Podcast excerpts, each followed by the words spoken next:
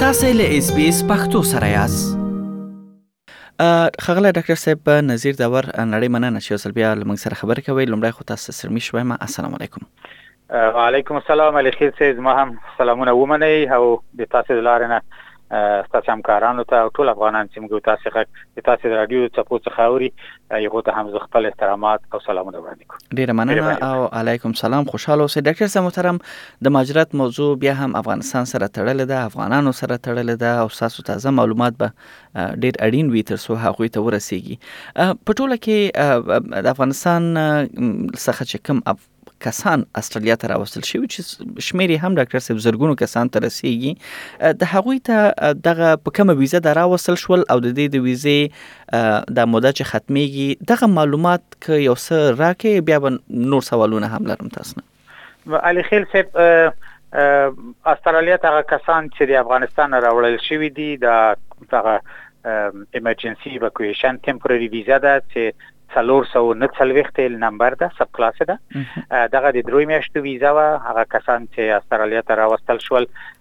د یو همدغه همدغه کسانو د همدا ویزه لرله دغه کسان چې په دغه جملو کې هغه کسان هم شته چې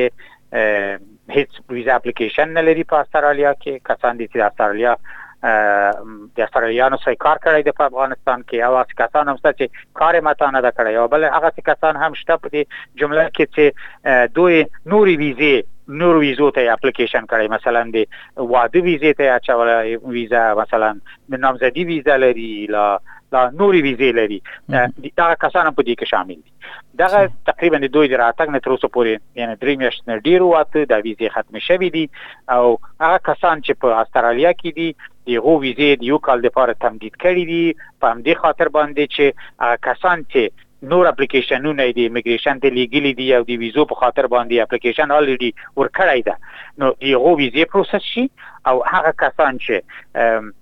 بيزيت اپليکيشنونه په اميګريشن کې نه لري هغو ته دغه فرصت مهيا شي چې دوی وکړای شي اپليکيشنونه لاچ کړي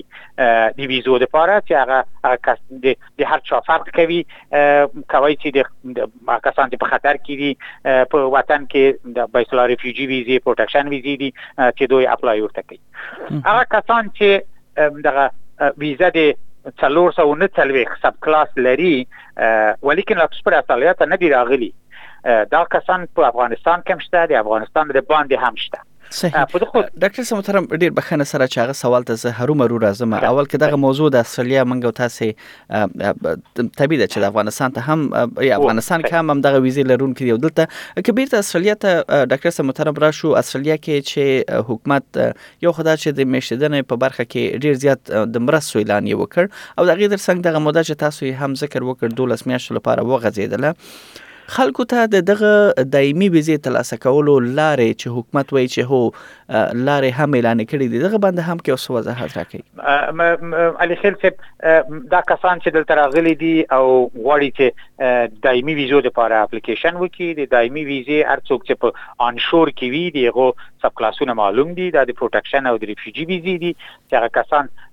کدا د دې ادعا لري چې دوی ژوند حالت په خطر کې ده او دوی بیرته افغانستان ته نشي تلای که افغانستان ته لاړ شي د دوی ژوند په خطر کې لويږي نو هغه کسان چې دلته هغه نارمل پروسیجر چې شته پروټیکشن اپلیکیشن کوي د ډپارټمنټ د مشخصو دفترو سره تماس نیسي دوی خپل دا کوي شي چې خپل هم وکي که توانمندي دي دی لري کنه هغه جن مؤسسات د دوی سره چې همکاري کوي دی غول طریقه هم دا کار کوي شي او په اخرین تحلیل کې مایګریشن ایجنټان او وکیلان دي چې دلته موجود دي دفترو ته مراجعه کولی سی او د یغول طریق نه دغه اپلیکیشن اچولی سی دا ډیر روټین نارمل اپلیکیشن ده دولت اجازه ورکړی ده ترها هغه فورمی خانه پوری شی او د دوی هغه کیس آماده شي او په شکل د درست باندې دولت وړاندې شي صحیح ډاکټر صاحب محترم بیرته بلر شو افغانستان ته افغانستان کې هم هغه کسانو چې د سلور سلور نه هغه د ایمرجنسي ویزه ورته ورکړې وي د هغوی لپاره ډیر بد خبر چې د استرالیا حکومت اعلان کړ هغه دا چې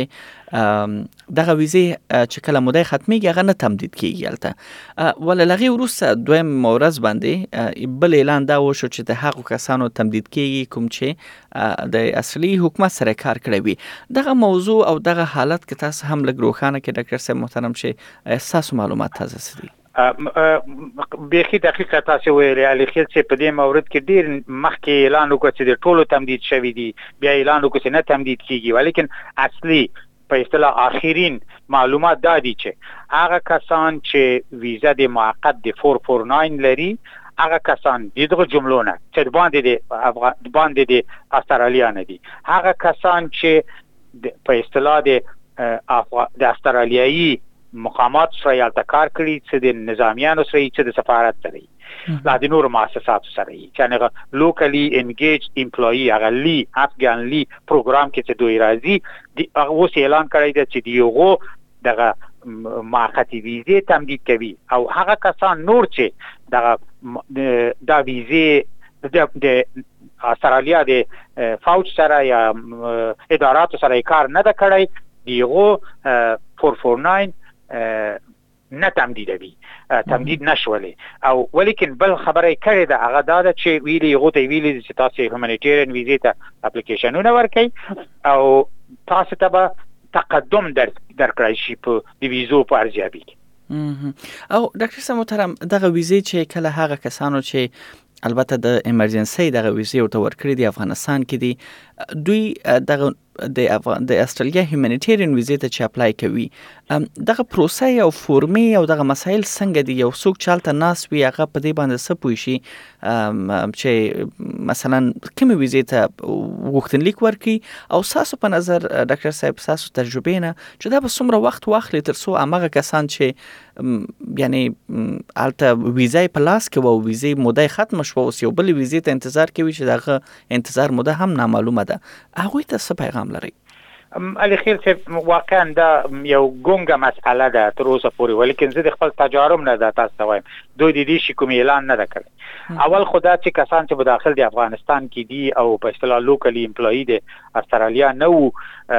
یعنی د موږ سره د استرالیانو ادارات سره کار نه د کړی هغه هومانیټیرین ویزا ته نارمل هومانیټیرین ویزا ته لکه دا اوس هم چې اچوله هغه سیم کوي شي د انلاین له طریقه او د کاغذ د کاغذي هم کوي شي چې دوی فورمې دغه فورمې د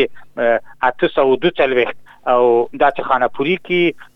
ادرسونه یې ورکړي دي خو دا کېدای شي تغیر شي د اوس د عمان سفا... د استرالیا سفارت په عمان کې ادرس ورکړی ده چې غږی ته باید ولېږلی شي خو دا کېدای شي په آینده کې تغیر شي دا باید دایمن هغه کسان چې د ته اپلیکیشن ورکوي ویب سایټونه چک کی چې مشخص جی ته ویلېږي ځکه چې ما ځینې کسان لاره په داسو ورځو کې چې دوی نور سفارتخانو ته لېږلي دي چې دا درسته خبر نه ده باید هغه مشخص جی ته ولېږل شي او لکه لا تر اوسه پورې آنلاین خلاص ده تر اوسه پورې تړل شوی نه ده دا هم کوي شي ویزه چې دوی دغه جن اپلای کی یا مغه ویزه د داخل د وطن نه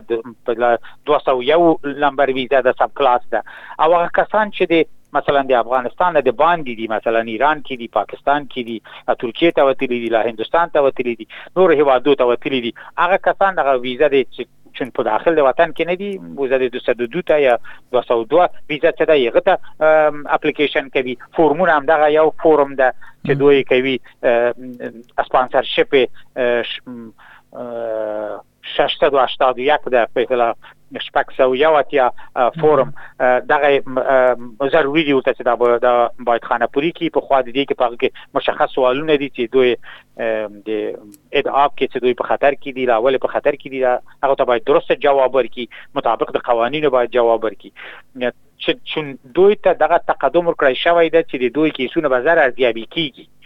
دا چې د دوی کیس څه شي ده دا د دوی ضمانت کوي چې آیا دوی واقعا په اساس قوانینو دي ایمیګریشن د استرالیا په خطر کې ګڼل کیږي که نه ګڼل کیږي نو دا چې ویلي دي چې دوی ته تقدم ورکوو پرایورټي ورکوو د دوی کیسونه اول کې ګورو ولیکن مشخص نه دی ویلي چې څومره اوس خو دوی د ویزې چې دلته اعلان کړلې چې غور اعظم صدر اعظم ویلې چې د دسمبر نه دوی شروع کوي د ویزو ته چې کله غدري زره ویزې هم چې دوی اعلان کړې دي چې دا تر اوسه نه دی ورکړ هغه شروع کوي هغه شپږ ویزې به هم شروع کی د دغه باندې به هم کار شروع کی خب اوس په اندازه د کافي وی اپلیکیشنونه هلته موجود دي فکر نه کوم د تجربې له نقطې نظر دلته وایم زما د تجربې نه چې فکر نه کوم چې په یو کال کې دا مثلا نتیجه ورکي ولیکن پیش د یو کال نه ډیر نیسی مخکې پیش دي نه چې دا پروګرامونه د افغانستان مثلا مخ ته راشي او دا ویزه اعلان شي قبلا ویټینګ لیست د هومانیټیرین ویزو تر 15 کالو پورې نو نو هغه تجارب په نظر کې نیول او د دولت په هغه شعباتو د دولتي کې چې هومانیټیرین ویزا ارزیابي کوي نظر په هغه کپاسيټي چې لرله او اوس لري فکر نه کوم فکر چې دا به زر وشي په یو کال کې به وشي د ما د کېدای شي زه اشتباه ویایم ولیکن دا زه د خپل تجربې له رویه درته وایم ولیکن دولت تر اوسه کوم شی اعلان کړی نه دی دغه درې زره ویزې ویلي دي چې په مالی کال کې دا سکال مالی کال کې دی جولای نه شروع شوې وه او تر نوي کال جولایه پورې دا باید ورکړي، نو کېدای شي هغه درې زره ویزې په دې مدت کې چې خلکو اپلیکېشنونه ورکړي دي او د دوی اپلیکېشنونه موافقانه وي، دغو کسانو ته شاید ورکړي، چون اعلان یې کړی دی په دغو دولو میاشتو، دولسو میاشتو کې، ولیکن بعد هغه نه بیا څه کېږي، نو د ما د تجاربو نه په اساس باندې فکر نه کوم چې دا به په یو کال کې لا یو نیم کال کې مد نظر ونیولای شي ولیکن دوی ویلي دي پرایورټي ورکوو هغه کسانو ته چې 449 لري نو او وګورو چې دا پرایورټي څومره وخت په بر کې نیسي صحیح نړۍ مننه ډاکټر صاحب نظیر داور دغه معلومات ډیر زیات اړین ول په دې هله چې د اوریدونکو د پام وړ به هم ګرځیدلی وي تاسو ښه ورځ ولرئ مننه الخير صاحب زه همیشه تاسو په خدمت کې یم ښه ورځ ولرئ اس پی اس پختو په فیسبوک کې تا کې پلی مطلب یو فاک کړئ نظر ور کړئ او له نورو سره شریک کړئ